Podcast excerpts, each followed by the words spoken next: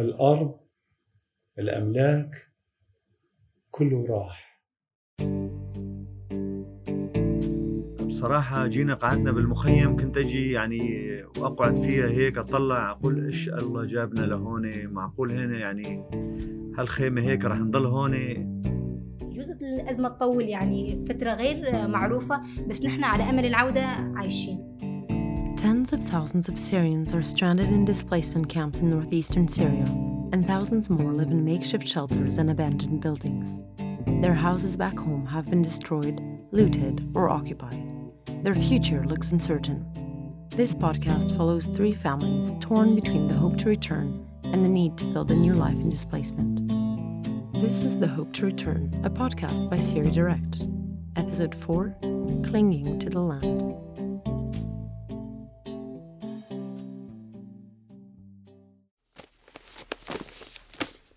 هدول وكالات عامه هدول Sitting on the floor of his tent in the Washokani displacement camp in northeastern Syria, Khidr sifts through a pile of carefully kept property deeds. These papers prove that he and his relatives are the rightful owners of several houses and land in the countryside of the town of Ras Al Ain. Khidr left his home and his land behind in 2019 when he was displaced by Turkey's Operation Peace Spring, which we discussed in the previous episode. Today, this pile of documents is Khidr's most prized possession, but four years ago he almost forgot them. Personally, when we left the house, I was in a rush. I told the kids to get ready quick and we left. My wife is the one who grabbed the bag where we keep all the important paperwork, our IDs and passports. She told me, Khidr, we need to get out of here alive, but papers get lost. There were ownership documents, copies of records from the land registry, important things. If not for my wife, I wouldn't have thought to get them. Since that fateful night, Khidr's dream has been to return home, to the land where his ancestors are buried and to the house where his children were born. To realize that dream, he needs these pieces of paper. They are the keys to his former home.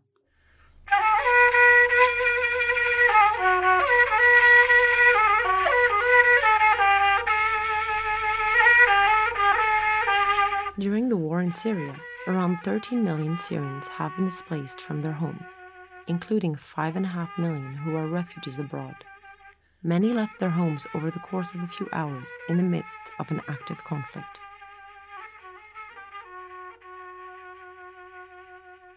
The bombing started. Everyone grabbed their children and left. We didn't take anything with us. We didn't take the family book or the military service papers.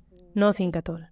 Like Khidr, Zahra has been living in Washokani camp for nearly four years after she, too, was displaced by Operation Peace Spring. But when Zahra lost her home, she also lost valuable documents.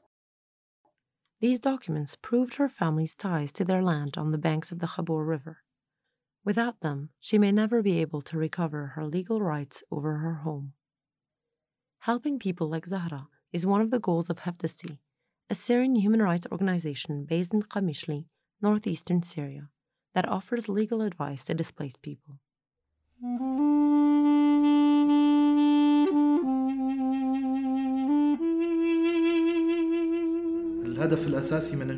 Our main goal is justice for the victims. That's Izzeddin Saleh, the executive director of Hevdesti. We provide a platform for victims to be represented and defend their rights in court. We also document rights violations in northern Syria and collect evidence, testimonies, and documents in a central database. We want to contribute to accountability and justice processes around Syria and to build the capacities of the victims of rights violations and advocate for their rights. We explained Zahra's situation to him, and he gave us his opinion as someone working to preserve displaced people's property rights in Syria. بقضية آه، زهرة آه، in Zahra's case, she does not have any documents proving that she owns a house in her original village. This is a situation that puts the family's property rights at great risk. If there are no property deeds, legally there is no ownership. So it is essential for this family and others to find a way to prove their ownership legally. One thing Hevdesti does is help displaced people document their property rights over their former land and houses so that they can return home one day. We asked Izzeddin what people like Zahra could do if they had lost all their papers, in order to have their rights over the land legally recognized. In all our projects with the displaced people we assist, we ask people to keep any type of evidence they have that can prove their connections to their property. This includes pictures of the house and the land, pictures taken inside the house during celebrations that prove they were living there and testimonies from any witnesses who can confirm they own the place. This evidence can help the family prove they are the legal owners of the house in case anyone else tries to settle inside it in their absence. This is a major issue in Syria today. After 12 years of conflict, the appropriation of property is one of the main issues impacting Syrians, especially forcibly displaced people who cannot return to these areas of origin. In many cases, these people cannot reclaim their property, which has sometimes been seized, destroyed, or illegally occupied by those who do not want the families to come back. This is especially the case for Kurdish families in the area of Ras Al Ain and Afrin as a result of the military operations that took place in these areas. Property rights violations were committed in a large scale by Turkey and factions of the Syrian National Army supported by Ankara. Violations of civilians' property rights are not unique to Turkey and the factions it supports. They have been committed by all parties to the conflict. Across Syria, houses and land have been arbitrarily confiscated by armed groups. Sometimes they are redistributed to others, often to prevent the original residents from returning to these areas. These abuses are made easier by the fact that many displaced people left their houses without their property titles, don't know how to protect their property rights, or only have incomplete legal documents.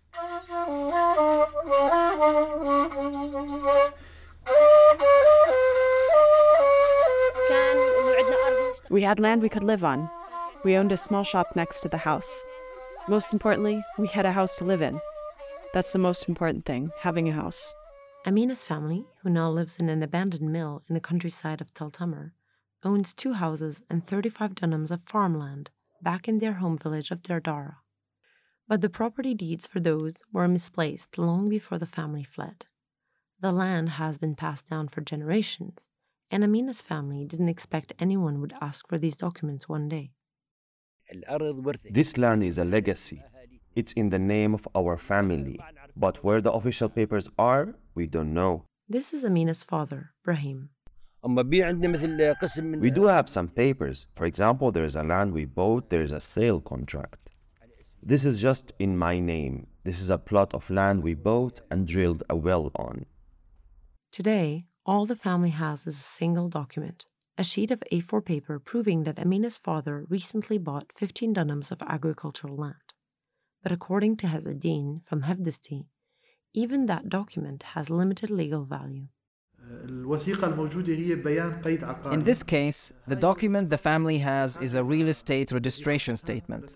This document needs to be studied and analyzed by a lawyer or legal advisor familiar with the Syrian law.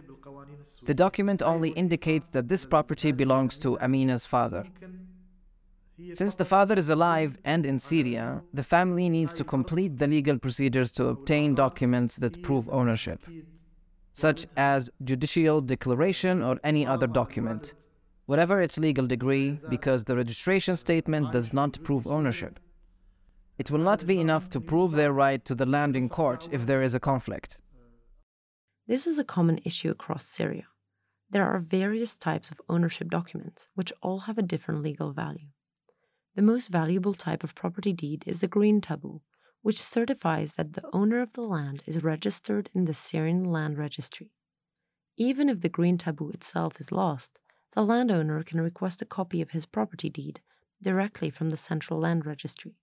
But there are other documents, issued by Syrian courts and by notaries, or written sale agreements that are only signed between the previous and the current owner. Many people believe such agreements are property deeds, but actually they are only temporary contracts that must be certified in court in order to gain legal force and protect the rights of the owner. Unfortunately, the lack of awareness among many displaced Syrians regarding the legal value of their documents raises many concerns for the future.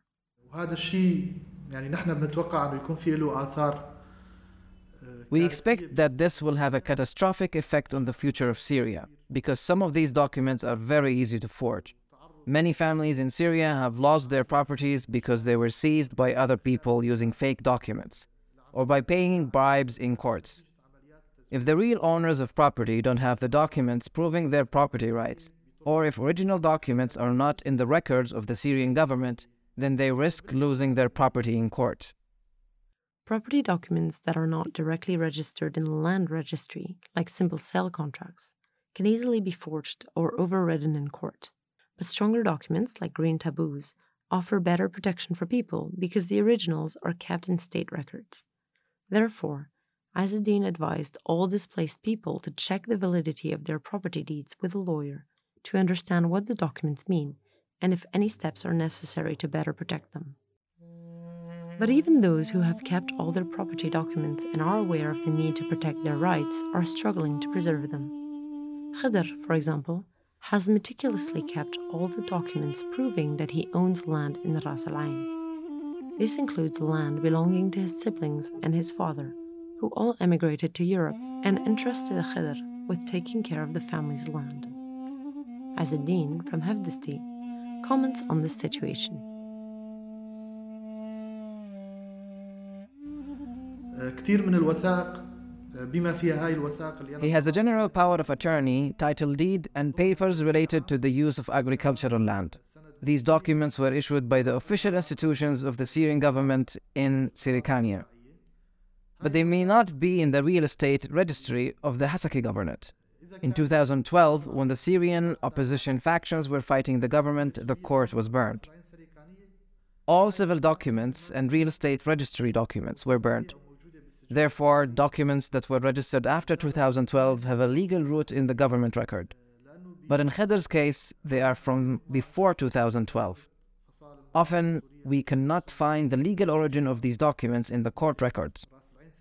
This means that if Khidr's documents were lost or damaged, he will not be able to have a replacement issued. So, although Khidr has carefully kept all his documents, the originals that were kept in the land registry have likely been destroyed during the war. Thousands of documents held in local civil and land registries were burned or went missing over the course of the war. In many cases, families have kept their own copies, but these too could easily be lost or destroyed. I have these documents, but many tents in the camp have burned down over the years.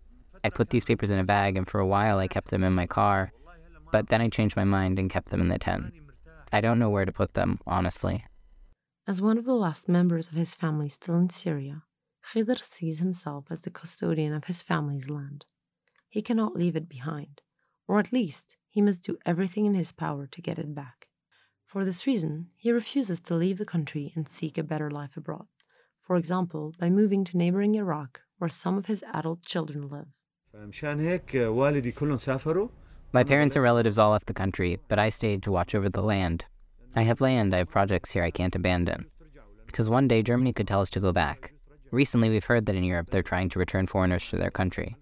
So I wanted to stay in my house, on my land, the land of my father and grandfather. Because of this, I didn't go. For now, going back to his home in Ras Al Ain, which is controlled by Turkish backed armed factions, is too dangerous. He clings to the hope of returning home. Nearly four years have passed since Operation Peace Spring, with no solution in sight. And more than 12 years after the start of the Syrian conflict, hundreds of thousands of displaced Syrians like him are still stranded in camps across the country. In the next and final episode, we will talk about the future of Amina, Khidr, and Zahra. What are their hopes and dreams? How are they trying to rebuild their lives? And what is the future of the camps, built as temporary homes that are slowly but steadily becoming permanent? This podcast series was written and produced by me, Lise Mauvais, with help from Celine Mohammed Amin and Syria Direct's editorial team. Instrumental music for the soundtrack was performed by Kawakali from Yakbar, a group of musicians from Ras Al Ain, now displaced Qamishli in northeastern Syria. You can find all episodes on our website, syriadirect.org, and on all main podcasting platforms.